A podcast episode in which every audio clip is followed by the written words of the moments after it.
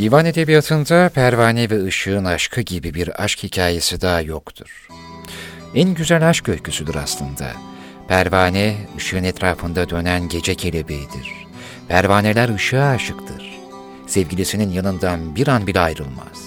Önce ışığın çevresinde dönmeye başlar, ışığın cazibesine kapıldıkça daha çok yaklaşır sevgilisine, acı çekeceğini bile bile yaklaşır, gittikçe çapı daralarak döner, döndükçe çember daralır, daraldıkça daha çok yakın olmak ister.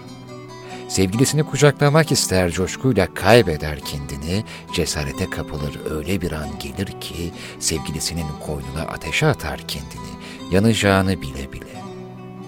Aşk böyle bir cesaret ister işte. Kanadı ateşe değdiği anda ilk acısını hisseder. İlk lezzettir aslında o. Mum da aşıktır pervaneye. Aşık olmasaydı ışık verir miydi hiç? Mum o andan itibaren içindeki can ipliğini yakmaya başlıyor.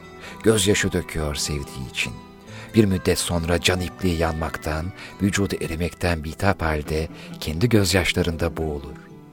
Aşk ikisini de mahvediyor. Ötesi mi var artık? Evet aslında divan edebiyatının dışında hayvanlar aleminde hatta böcekler aleminde dişi örümceğin de buna benzer bir hikayesi var. Ama onu da başka zaman anlatırız.